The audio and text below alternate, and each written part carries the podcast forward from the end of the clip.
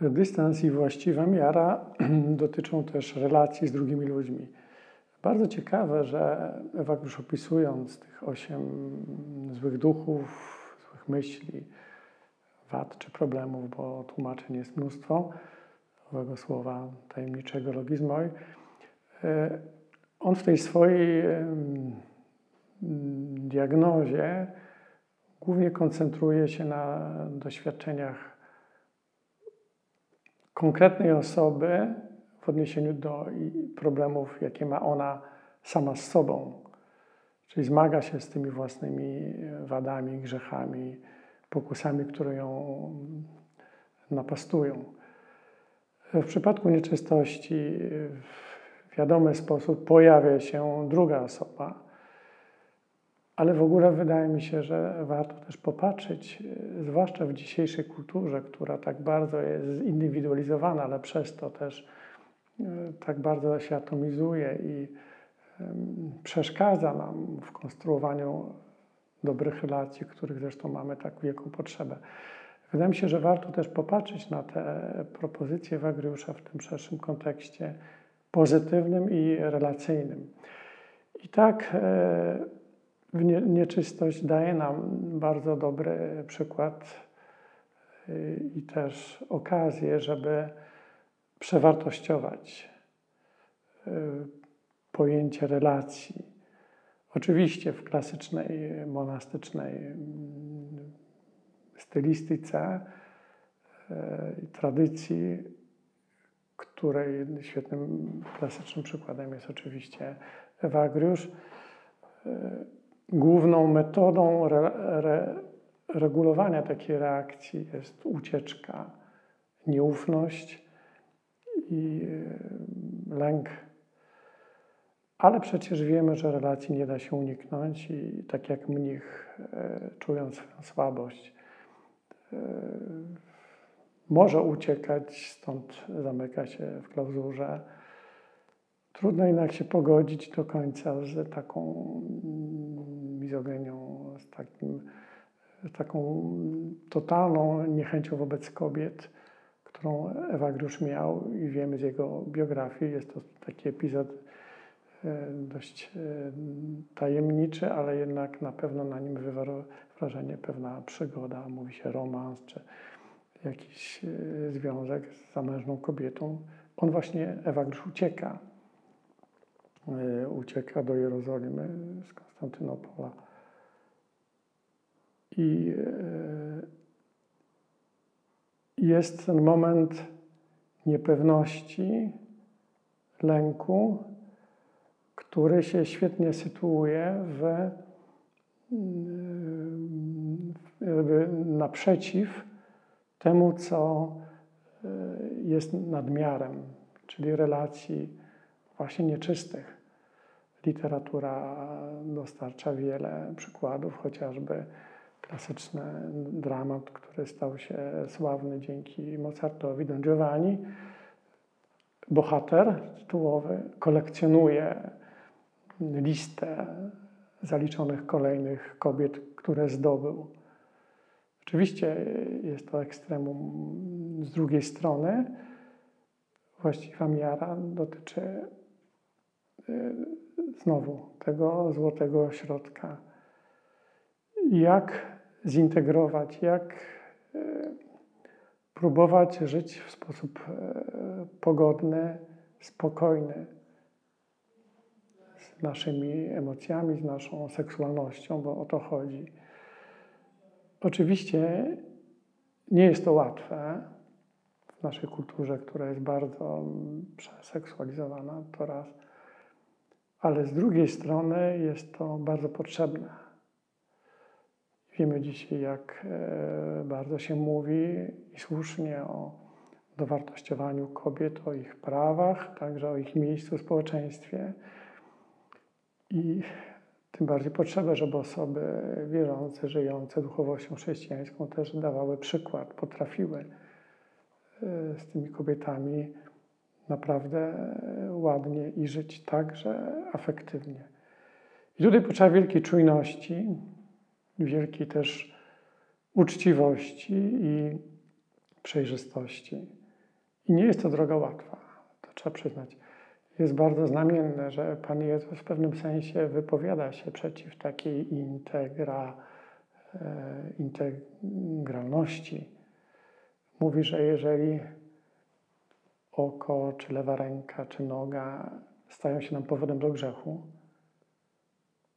trzeba naszą integralność e, naruszyć i lepiej być zbawionym niecałościowym niż całościowo pójść do, do, do piekła.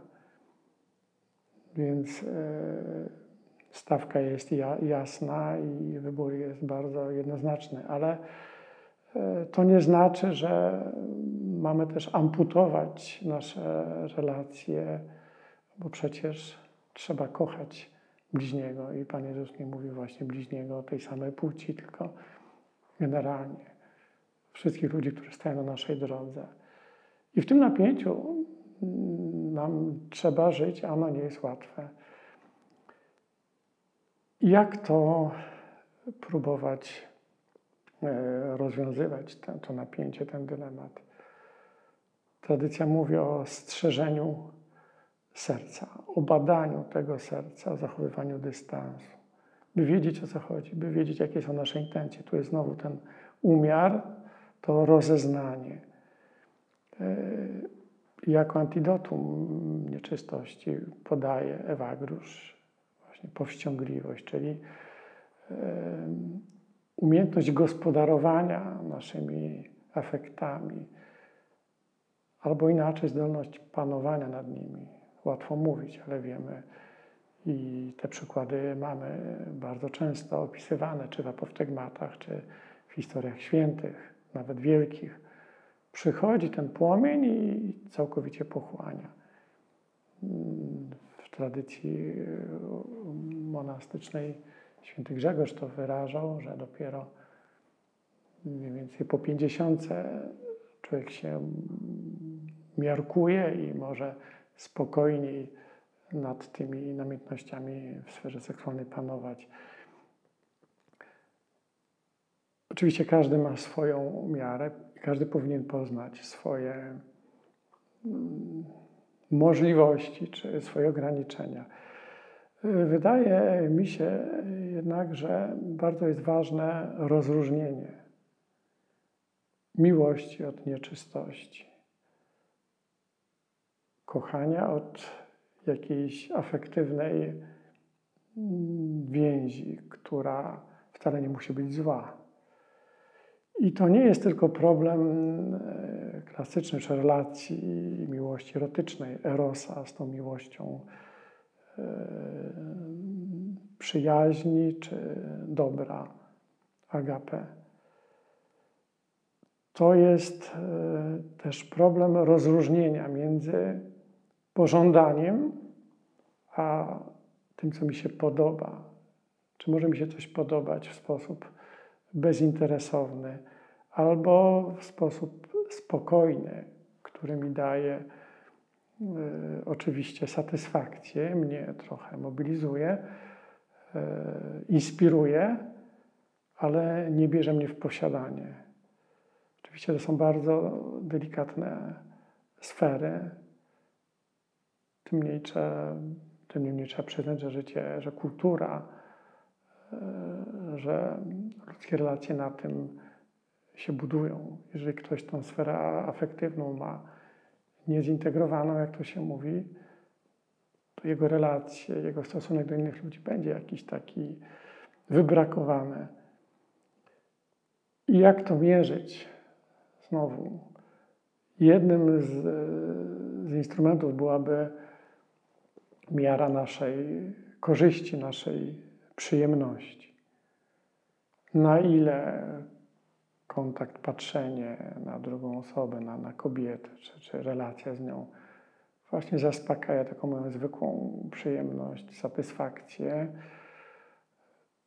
a na ile też e, potrafię, zachwycając się jej pięknem, uwielbić Pana, Pana Boga, podziękować Mu za to i też pomóc komuś i nie oczekiwać za to jakiegoś, jakiejś gratyfikacji.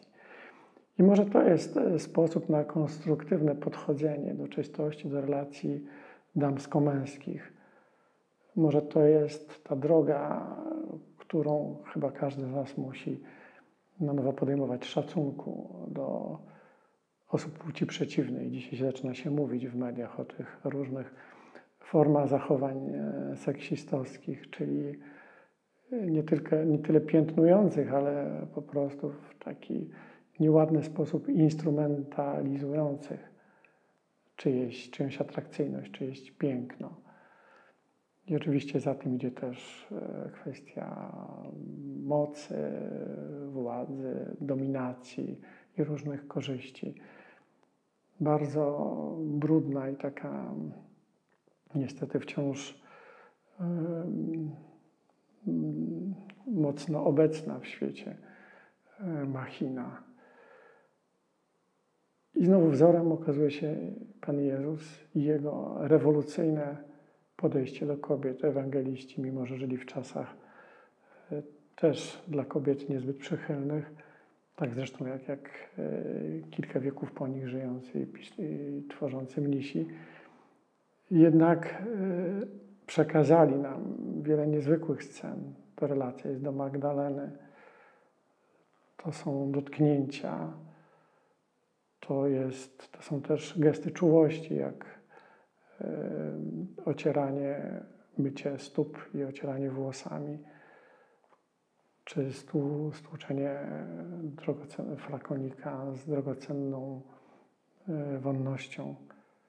I nawet stosunek Pana Jezusa do, do, do nierządnic. Tak, abyśmy powiedzieli, lekcja po wszystkie czasy. Żeby zobaczyć e, w kobiecie coś więcej niż tylko atrakcyjne ciało, niż tylko to, co zmysłowe. Oczywiście jest to wyzwanie i jest to rzecz bardzo trudno, ale chyba, chyba warto i chyba w tą stronę też idzie. Idą wskazania Ewa Goriusza, który mm, miał swoje obsesje, to prawda, ale w końcu też pisał o modlitwie, o kontakcie z Panem Bogiem w kategoriach piękna. I to piękno jest też pięknem Kościoła, pięknem Maryi pięknem Bożej mądrości. Dlatego nie bójmy się.